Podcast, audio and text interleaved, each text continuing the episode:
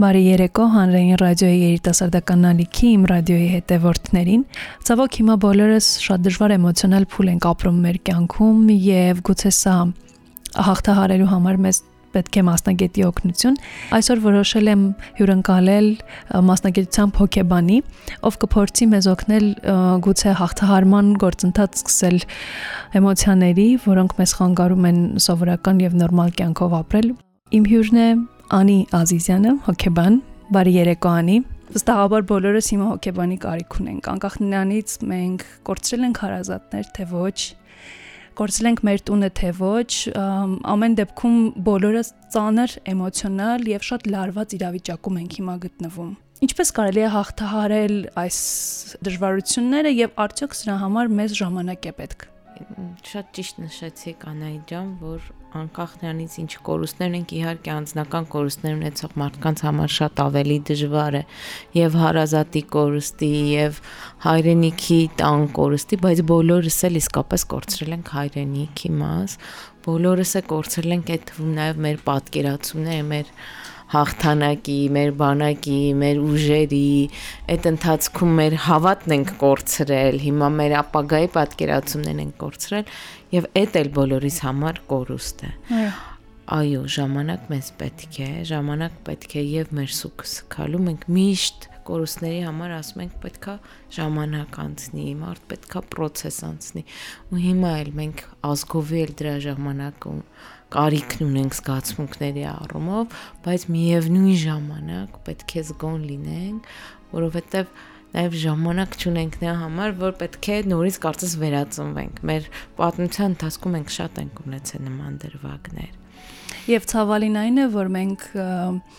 այսպես դասագրքային այս պատմությունները միշտ իմացել ենք եւ ես որպես երիտասարդ երբեք չեմ պատկերացրել, որ իմ սերունդը կարող է հանդիպել այս տեսակ արհավիրքի, որովհետեւ մեզ համար սրանք պարզապես պատմություններ էին, չնայած ոչ շատ վաղ անցյալից, չէ՞, օրինակ մեր հայրիկների սերունդը անցել է այս խնդրի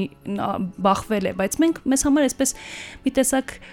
հեքիաթային պատմություններ էին եւ մենք երևի այդքան լավ չենք պատկերացնում, որ սա մեզ հետ կարող է նաև տեղի ունենալ։ Այո, եւ դա ընդհանրապես բնորոշ է մարդուն, որ մեզ միշտ թվում է, որ վատ բաները երբեք մեր մասին չեն։ Մահը երբեք մեր մասին չի, կորուստը մեր մասին չի,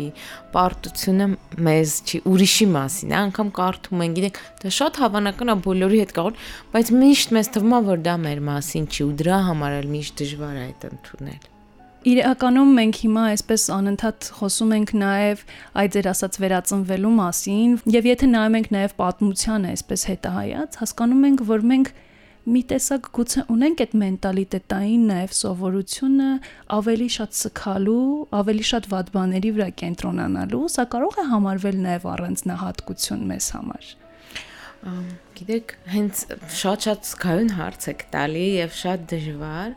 որովհետև իրականում որ մենք sense դա մենք հատկապես ցեղասպանությունից հետո կարծես մենք բոլորս մեզ նույնականացնում ենք իրար հա, մեզ համախմբումը հենց այդ գաղափարած հարցը ցեղասպանության հարցը կարծես ուրիշ մի բնութագիր որ մեզ բոլորիս աշխարհի բոլոր ծայրերում հայրին միավորի չկա Հատկապես սա կարելի է նաև ընդգծել այն առումով, որ մենք հենց դժվարություն ենք ունենում, անպայման կարելի ասել, որ մենք միասնական ենք դառնում, բայց խաղաղ օրերին, ուրախության օրերին երբեք այս միասնականությունը ցավոք չենք ունենում։ Մի կողմից եթե հոգեբանական տեսանկյունից նայենք, այդ ցավի ավերապրումը, այդ բացասական մտքերը տրավմայի հետևան կարող լինի, չէ՞ որ մենք ազգովի տրավմա ենք ապրել գաղտնիք չի, այո։ Եվ շատ չենք վերափոխվել, բայց հիմա հենց այդ որ ասում ենք վերածնվենք, նոր դաս վերցնենք այս ամենից, հենց դա կարող է լինել, որ մենք բոլորս միասին մտածենք ինչն է մեզ որպես ազգ միավորում, որոնք են մեր ազգային նկարագրել, ո՞նց ենք մենք մեր երեխաներին դաստիարակելու կարծես որովհետև եղել է ասենց ինքնաբուխ, ամեն ընտանիք իր ձևով փոխանցել, ամեն ընտանիք իր ձևով ապրել է ցեղասպանություն, իր ձևով փոխանցել է այդ ցավը բաթուրքերը մեզ սենց արեցին, այ մեր գյուղը ընդեղ էր, իր քո պապիկին սենց արեցին, հարևանի տատիկը սենց պատահեց, նա որ մեծացավ, այս փոխանցվել է ու կարծես զոհի կերպարն է փոխանցվել։ Մինչդեռ 90-ականների հաղթանակը այդ ձևով չէր փոխանցվում ու մենք պետքա դաս վերցնենք թեկուզ այս օրերի մեր ես դժվարում եմ ասեմ պարտություն ոչ այն պատճառով որ ինձ համար որպես անձ կամ դա որովհետև մեր տղաները իսկապես հերոսաբար են կարող Եվ դա կասկածի ընդհանրապես երբեք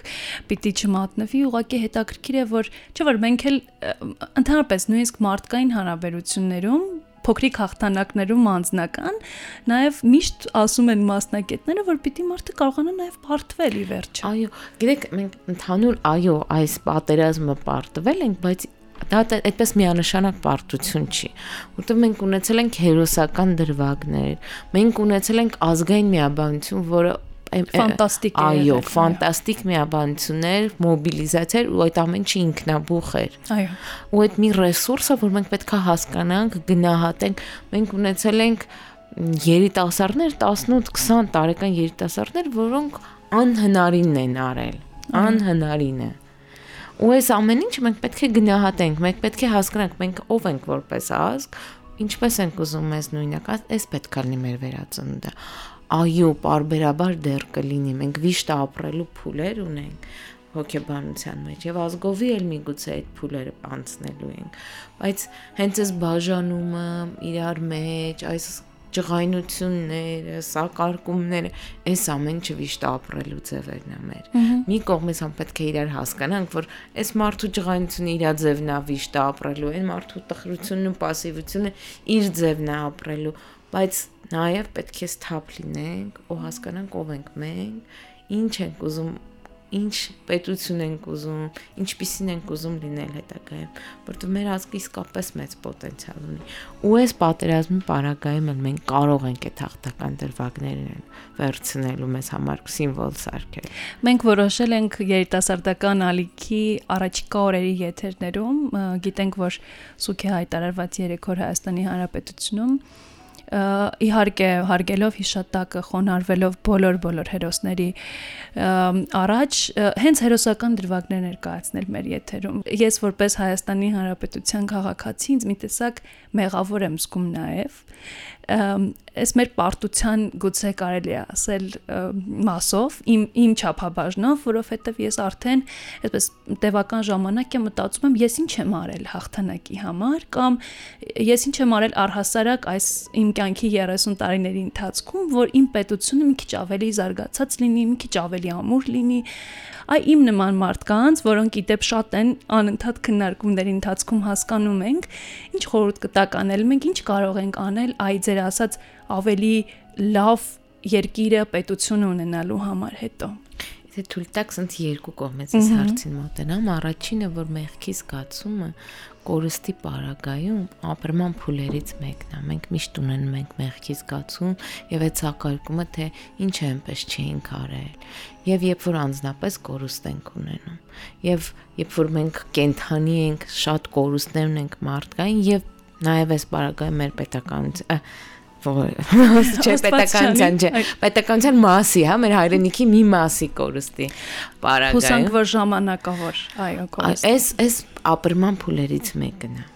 բայց միևնույն ժամանակ մեղքի զգացում եմ, պիսի զգացում եմ, որ մեզ թողում է անցյալը։ Կարծես մենք սենց հետ-հետ նայելով գնում ենք առաջ, որ շատ հնարավոր է որ պատի կպնենք, ոտքներս քարին կպնի։ Ինչ պետք անենք այս։ Լավ, ինչ ես այնպես չեմ արել, ավելի ռացիոնալ մոտենանք ինչ կարող եմ հիմա անել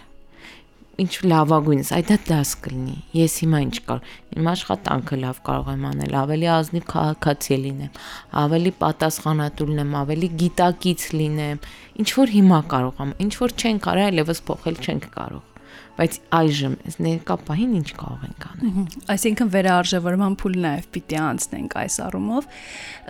իհարկե պատերազմի առաջին իսկ վարքյանից բոլորս շատ անհանգիստ ենք, կապ չունի ունենք բարեկամներ, հարազատներ, ընկերներ առաջնագծում, թե ոչ բնականաբար երբեք չենք հասկանա այն մարդկանց ցավը վիշտը, որոնք հարազատներ են կորցրել նաև կամ տուն են կորցրել այնտեղ ինչքան էլ նյութական բաների վրա կենտրոնանալ չենք ուզում ամեն դեպքում մարդիկ իրենց ամբողջ կյանքի կյանքի մի մասի աշխատանքը այո այսպես եւ անորոշ է հիմա իրենց հետագան սա սա դժվար է կարծում եմ շատ շատ դժվար է ուզում եմ հասկանալ այ եթե հիմա այս տեսակ մարդիկ մեզ լսում են ինչպես կարող ենք մենք նրանց օգնել։ Մենք քաղաքացիներս, որոնք իրենց կողքին ապրում են, ես օրինակ շատ ուզում եմ որևէ բանով օգտակար լինել, երբեմն վախենում եմ հանկարծ չնեղացնեմ, հանկարծ ցավոտ տեղին չկպնեմ, գուցե ավելի վիճակը չվատացնեմ։ Ինչ կարող ենք մենք անել։ Ինչպես կարող ենք մոտենալ, որպեսզի այս մարդիկ մի քիչ ավելի ուժեղ դառնան Այլի շատ sense լայն ու կարևոր հարց է։ Չէ, իսկապես կարևոր է մեր հասարակության համար կարևոր հարց է, որտեղ այստեղ մենք եւ այդ մարդկանց պետք է օգնենք ինտեգրվեն, եւ մենք պետք է բաց լինենք, որ իրենք կարողանան ինտեգրվել։ Եվ պետք է հասկանանք, որ իրենք այս ադապտացիայի տարբեր փուլեր են անցնելու։ Ամեն դեպքում իրենք իրենց տունը, իրենց միջավայրը թողելու են գան ուրիշտեղ։ Անկամ երբ որ չգիտեմ, մարդը նույն միջավայրում կարող թաղամաս փոխելուց էլ ադապտացիայի խնդիր լինի։ Հետ գա հայրենիք, նույն իր քաղաքի իր տուն, ադապտացիայի նորից ադապտացիայի խնդիր առաջանում։ Այս մարդիկ կամովի դա չեն արել կորուստի տարբեր փուլեր են անցնելու՝ ջղայնություն, տխրություն, հուսահատություն։ Կարծես ամենաառաջի բանը, որ պետք է անենք, ընդունենք տարբեր դրսևորումներ, որ կարող են մարդիկ, ովքեր ոչ իրենց կամքով լքել են իրենց տները, ոչ իրենց կամքով հայտնվել են միտեղ եւ հենց այդ անորոշությունը ամենադժվար բանն է։ Չգիտեն ոնց է իրենց կյանքը գնալու, ինչա լինելու։ Մյուս բանը, որ իհարկե, երբ որ մենք օգնում ենք կարծես մենք մեզ լավ ենք զգում այդ օգնելուց ու սպասենք որ մարդիկ հատուկ ռեակցիաներ պետքա տան դրա համար ես ինձ միշտ մտածում եմ որ ախր մենք երբ որ օգնում ենք այդ մեր որոշումն է Ես եմ որոշել օգնել։ Այդ մարդը պարտավոր չի։ Դե բայց ամեն մեկս մեր մոտիվացիան այդտեղ ունենում ենք, չէ՞։ Այո։ Բայց դա իմ մոտ, իմ որոշումն է։ Ինչով է այդ մարդը պարտական ինչ շնորհակալություն ես։ Հետո հենց այդ կարծես հենց միասնականությունը հենց այնտեղ է, որ բոլորս միասին ենք դա անում, որովհետև այդ մարդիկ չեն ընտրել, չեն խնդրել ու եւ որպես կորուստ ունեցող մարդ տարբեր դրսևորումներ կարող է լինի Մենք բնականաբար պիտի շատ ըմբռնումով, այո, եւ զգույշ մոտենանք այս հարցին։ Անի դուք նաեւ այս ընթացքում աշխատում եք վիրավոր տղաների հետ, անպայման տղաների կողքին պիտի ասենք հերոսներ բառը, որովհետեւ կապ չունի թե քանի վարքյան են նույնիսկ իրենք եղել ռազմաճակատում, եթե այնտեղ են եղել, ուրեմն նրանք արդեն հերոսներ են։ Վստահ եմ, որ բոլորը կարողացել են իրենց ուժերի ներածին չափով օգնել հայրենիքին եւ եւ դա արել են գիտակցաբար, որ ասում ենք, չէ, գիտակցաբար մահան, մահություն է նաև այս սկզբունքով ապրելով, շատ ունենք ընկերներ, որոնք վերադարձել են Փարք Աստծո եւ իրենք հույս չեն ունեցել նույնիսկ այդ գալու, այսինքն գնացել են գիտակցաբար կրվելու եւ հայրենիքի համար նույնիսկ եթե պետք է մեռնելու։ Ինչ հետաքրքիր է տղաների հետ ձեր աշխատանքի պրակտիկայից կուզեմ մի քիչ պատմեք, ինչպես են իրենք ընդհանրապես ընկալում այսօրվա իրականությունը արդյոք իրենք ես կարծում եմ որ իրենք իրենց բարդված ամեն դեպքում չեն համարում բայց այս դիսոնանսը կարծես կա չէ մտքերի գիտեք ինձ քան որ անձնապես աշխատում եմ շատ-շատ զինվորների եւ սպայերի եւ զինծառայողների տարբեր եւ և մոբից եւ պայմանագրային ծառայողներից եւ ժամկետային տարբեր մարդկանց հետ շփվելով շատ դժվար է ասենց ընդհանուր մի բան ասել, որտեվ ամեն մեկը իր ձևով է ապրում այդ ամեն ինչը։ Բայց ինչն է որ կարող է ընդհանուր լինել, դա նաեւ որ նրանք եկել են ուրիշ աշխարհից։ Պատերազմը ուրիշ աշխարհ է, ուրիշ արժեքներ են։ Ընկերության արժեքն այնտեղ լրիվ ուրիշ գին ունի։ Այո, իրար աջակցելը ուրիշ գին ունի, իրար կողքի լինելը, քնելը, ուտելը, այնտեղ ամեն ինչ ուրիշ գին, նաև ուրիշ գին ունի դավաճանությունը, ամեն արժեքը ուրիշ, կյանքը ուրիշ գին ունի։ Այդ տղաները բազմիցս նայել են մահվան աչքերի մեջ։ Իրանք ուրիշ ռիթմով, ուրիշ տեղ են ապրել ու հիմա հետ են գալու այս աշխարհ։ Ես իրենց եմ սովորաբար ասում դուք պետք է իմանաք, որ իրենք ձեզ չեն հասկանում, դուք եք ուրիշ տեղից եկե։ Ինչքան է գիտեմ, որ ձեր համար դժվար է բայց ձերը ուրիշ է, դուք եք են տեսել ու ստեղել ապրել եք։ Իրենք իրենցը պետք է ժամանակ տան եւ նաեւ մենք պետք է հասկանանք, որ երբ որ հետ են գալիս, մենք միշտ չի որ իհարկե մենք շատ հետաքրքիր է ուզում ենք հարցնենք ինչ եղավ, ոնց եղավ, բայց միշտ չի որ իրավունք ունենք դա անելու։ Ես միշտ բոլոր հարազատներին ասում եմ, որ երբեք պետք չի հարցնել, որտեղ երբեմն հարցնելը եւ պարտավորված պատմելը կարող ավելի վնասի տղաների ամեն դեպքում վերապրում է նաև այո այո եւ եթե իսկ սակայն եթե իրենք ուզում են խոսել մենք պետք է պատրաստ լինենք լսել տարբեր ապրումներ, կարող է ջղայնություն ունենան, տխրություն ունենան, դեպրեսիվ պահեր ունենան, թույլ չտան գրկախառնություններ, վստահության կորուստ ունենան։ Այս ամեն ինչի բարակայում կարծես պետք է ժամանակ տան։ Գոնե առաջի մի քան մի ընթացքը պետք է ժամանակ տան իրենց վերականգնվելու։ Մյուս բանը, որ մեր հասարակությունում շատ չի խոսվում, այդ ֆիզիկական տրավմաների մասին շատ ենք խոսում, սակայն չենք խոսում հոգեկան տրավմաների մասին եւ կարծում եմ, ասենց լավ հարթակ, որ մարդիկ անդրադառնան, իմանան, որ հոգեկան տրավմա տրավման երբեք մարդու թուլության, գիտելիքի պակասի, տղամարդկության որևէ բանի չի առնչվում։ Էնպես ինչպես մարդու ոտքը կարող է վնասվել այնպես է կարող է հոգեկանը վնասվի։ Ոչ մեկ չի կարող ասել ով ապահովված է, ով ոչ։ Երբեմն նախքին փորձառություններ, տրավմաներ ունենալու հաղթար կարող են նպաստել, որ հեշտ անցնեն, երբեմն հակառակը ավելի վնասեն այդ պարագայում, որտեվ շատ հաճախ հայրը մտածում է տղամարդ պետք է ինքնուրույն է տանցնի կամ եթե ուժի հաղոք է։ Մեզ ասում են, որ տղամարդը չի լացում։ Այո, եւ չի լացում։ Այո, իսկ այս տեսակ կորուստն է, այս չափ, այդ երիտասարդների մեծ մասը մի ինքեր չկործրել, երկուսը չի կործրել, սակայն բա կորուստների չափը անասելի շատ, հա, անպատկերացնելի է։ Ա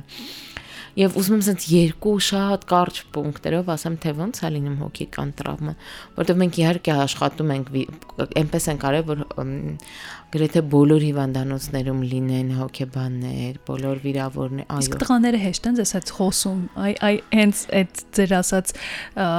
այսպես ասած բարթույթներից կամ սովորություններից ելնելով։ Հենց այդ ամեն ինչից ենք սկսում, որ ասում տղաների հետ շփումը եւ իհարկե ոնց ասեմ, հոգեկան տրավման հեշտ բան չի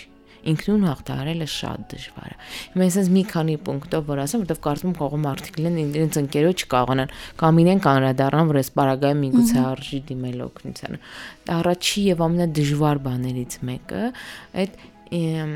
մեզանից անկախ, երբ որ վերապրում ենք կամ սենց կադրի նման, ֆիլմի նման, գալիս է մեր տեսած դժվար պահերը ու դա կարող է լինի առանց որևէ կարող է լինի որ ինչ որ բան հիշացնի գույն, հոտ, համ ձայն եւ կարող է լինի որ առանց որևէ բան հիշացնելու այդ պատկերը մենք բոլորովին ուրիշ բանով ենք զբաղվում եւ որևէ պատկեր կամ տարբեր պատկերներ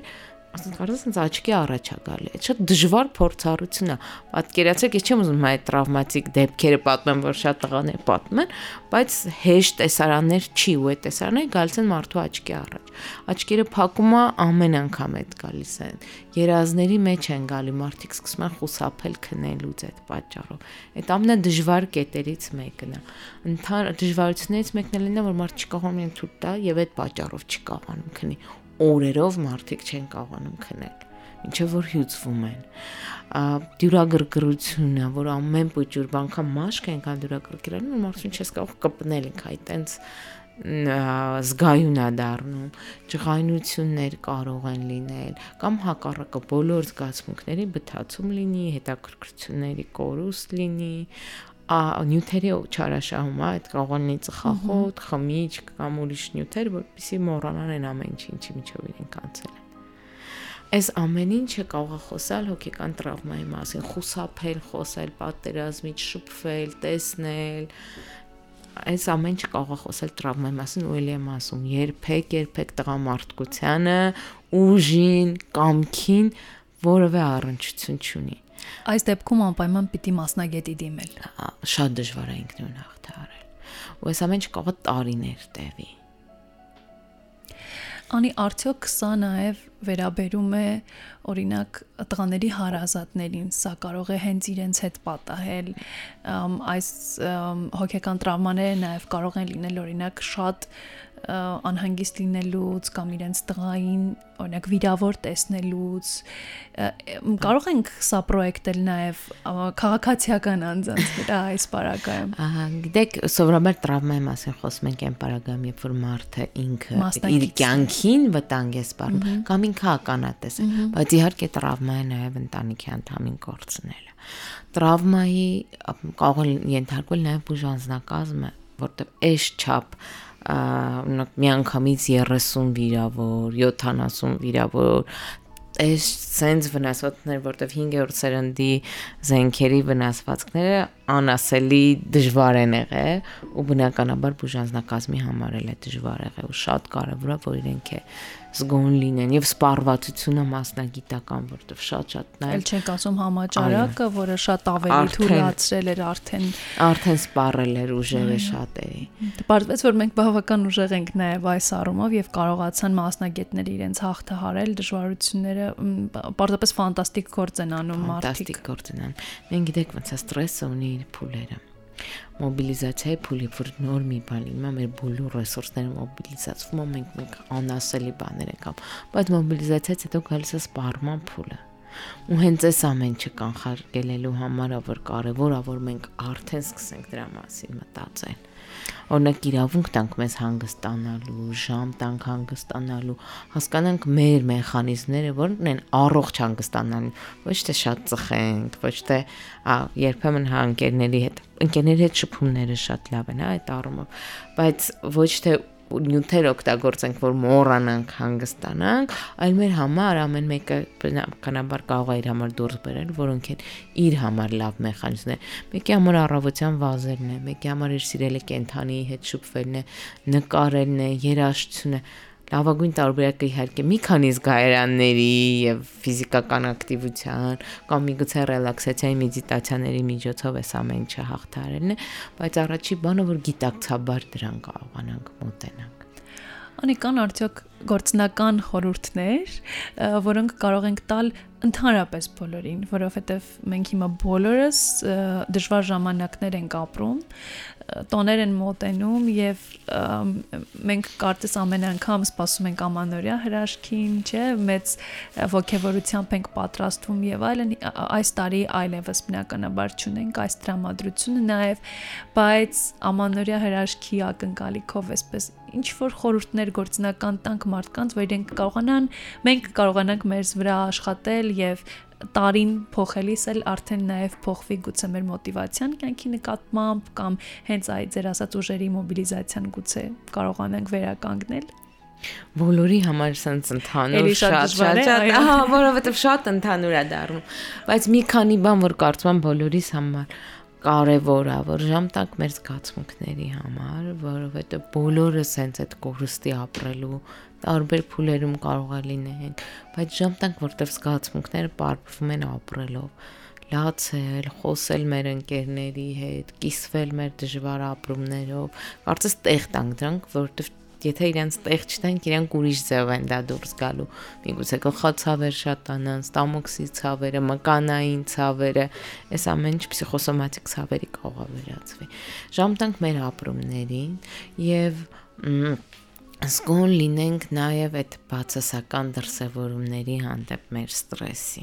Մեկի մոտ դա կարող է լինի բացասական մտքերի վստահության կորուստը, ապագայի հանդեպ բացասական։ Մյուսի մոտ ջղայնությունները, դեպրեսիվ դրսևորումները, ապատյան կարող է, այսինքն անտարբերություն ամեն ինչի հանդեպ ամեն մեկը տարբեր կամ վարքային ուրիշ դրսևորումներ լինեն եւ փորձենք այդ ամեն ինչի մեջ դրական կողմերը գտնել։ Այ որ օրինակ շատ հաճախ խոսում ենք հերոսություններից, իմ համար առաջի փորձարկությունից եւ ամենազարմանալի բաներից մեկը որ կար տղաներից ինչքան հրաշքներ են տեղի ունեցել շատ դաժան բաներ են բայց միևնույն ժամանակ շատ-շատ հրաշքներ են այ մենք դրա վրա չենք ֆիքսում այո ու ես ինձ հատուկ մտածում եմ որոշ տղաներից թույլտվություն եմ հարցրել այդ դեպքերի համար պահելու օրինակ դեպքերից մեկը որ առաջինը ես հանդիպեցի իմ համար շատ զարմանալի էր որ տղաներից մեկը մեքենայով եղնիկներ ես շատ չեմ պատկերացնում այդ բայց ասում ենք շատ բարձր բարձունքի կողքից մեքենայով 3 կիլոմետր գլորով գիտակցաբար, որտեվ դիվերսիա է հանդիպել ու պատկերացեք 3 կիլոմետր մեքենայով տարբեր քարերի կպնելով գլորվել է, կենթանի է մնացա եւ ավելի որևէ կոտրվածք չուներ։ Որևէ մի հատ քերծված քթին ուներ, մի հատ ոդքին եւ վերջ։ Դա հրաշք է։ Այո։ Ու այդպես շատ դեպքեր, որ տղան խրամատում պարկած ա եղել արդեն վիրավորում ունեցա ծանր, բայց ամեն դեպքում ինքը կարողացել է շարժվի ու ասում եմ չգիտես ինչի որոշեցի մի քիչ առաջ գնամ։ Մի 5 մետր ասում եմ սողալով եկա առաջ ու հենց այնտեղ որտեղ պարկած էի սնարյադ ընկա։ Այո հենց այս հրաշքներին պետք է շատ ավելի ուշադիր լինել մեր կյանքում, հատկապես հիմա երևի շատ ավելի փոքր հրաշքներին նույնպես շատ պիտի ուշադիր լինենք եւ գնահատենք։ Իդեպ սա էլ կարևոր կարծում եմ հոգեբանական պահ է, երբ ես արցախցի մեր հայրենակիցների հետ վերջին շրջանում հաճախ եմ շփվում գործի բերումով, իրենք մի նախադասություն կարմիր թելի պես բոլորի զրույցներում կա, որ մենք շատ լավ էինք ապրում այն ժամանակ, բայց եթե մենք այն ժամանակ հարցնեինք մեզ, իրենց առանց տարանջատ նկատելու իհարկե, մենք երևի այդքան չենք գնահատում մեր ունեցած փոքրիկ երջանկությունները եւ մենք ֆիքսում ենք մի քիչ ավելի խնդիրների խնդիրների վրա, որոնք երևի այդքան չարժեն, որ մեր կյանքը վատնենք սրա վրա։ Այդ մարդ մարդու մտածելակերպը եւ տրավմաների հետևանքով է դառնում, որ մենք սկսում ենք ֆիքսվել բացասականի վրա եւ միգուցե դա մեր ինքնապաշտպանության համար, որպեսզի կարողանանք մեզ պաշտպանել։ Բայց շատ կարեւոր է, որ մենք գիտակցաբար մեզ հիշեցնենք մեր կյանքի դրական բաները գիտակցաբար ամեն մեկի կյանքում վստահաբար կա դրական բաներ ամենափոքր բաներից որ մենք սովորենք մինչև այն բաները որ կարողա չենք նկատել երբեք օրինակ այսօր արևոտ օր ա եղել չգիտեմ այն մարդով որ կարողանում է քայլել այդ արդեն մեծ բան է այն մարդը անգամ եթե ոտերի խնդիր ունի կարողանում է տեսնել կամ հենց մենակ մտածելը արդեն մեծ առավելություն է որ մենք ունենք Այո։ Ու եթե մենք մտածենք, մենք վստահաբար կգտնենք։ Եթե օրվա մեջ մեզ գիտակցաբար կարողանանք հիշացնենք այն լավ կողմերը, որ մեր կյանքը ունի, դա իսկապես թեթևացնելու է մեր կյանքը։ Եւ բոլոր բացասական մտքերի համար էլ վստահաբար կարելի է գտնել Եթե անգամ դեռ կորցրել ենք մեր հայրենիքից մար, մենք կարող ենք ասել դեռ։ Այո Այդ շատ կարևոր է։ Եվ տրամադրվենք հենց այդպես դրան, պատրաստ լինենք հաջորդ քայլերին, որովհետև եթե ասում ենք դեռ բնականաբար սա առաջին քայլն է եւ հաջորդիվ քայլերը մենք շատ ավելի հստակ պիտի հիմա պատկերացնենք եւ անի տված խորհրդով նայենք առաջ, տեսնենք ապագայում ինչպիսին ենք ուզում տեսնել մեր հայրենիքը, մեր պետությունը եւ սրա համար մեր ներդրումը չխնայենք։ Եվ մնանք որ կան լավ բաներ մեր կյանքում եւ ուսանելի, ոչ թե վատ, այլ ուսան։ Սա վերցնենք որպես փոր դաս մեզ համար։ Դաս ավելի լավ ապագա կերտելու համար, ավելի սթափ ապրելու համար, ավելի ճիշտ մեզ գնահատելու, մեր կարողությունները վերանայելու, վերաիմաստավորելու համար կարծում եմ միգուցե հետո շնորհակալ լինենք այս փորձառության համար։ Երբեմն մարդիկ անհատական կոնսուլտացիաների ժամանակ կամ արդեն արդյունքում իրենց ամենադժվար փորձառությունն շնորհակալ են լինում, որտեղ կարևոր փորձակար է դառնում իրենց կյանքի համար։ Ես հուսով եմ եւ հավատացած եմ, որ մենք այս դժվար փորձառություն կարող ենք մեր ազգի համար դարձնել կարևոր փորձակար։ Հենց այս մտքով ենք թողնում ձեզ այսօր, ոչ թե գիշերը չքնելու համար, այլ նրա, որ մտածենք, հասկանանք մեր կարևորությունը մեր երկրի պետականության զարգացման գործում եւ մեր դրական մտքերի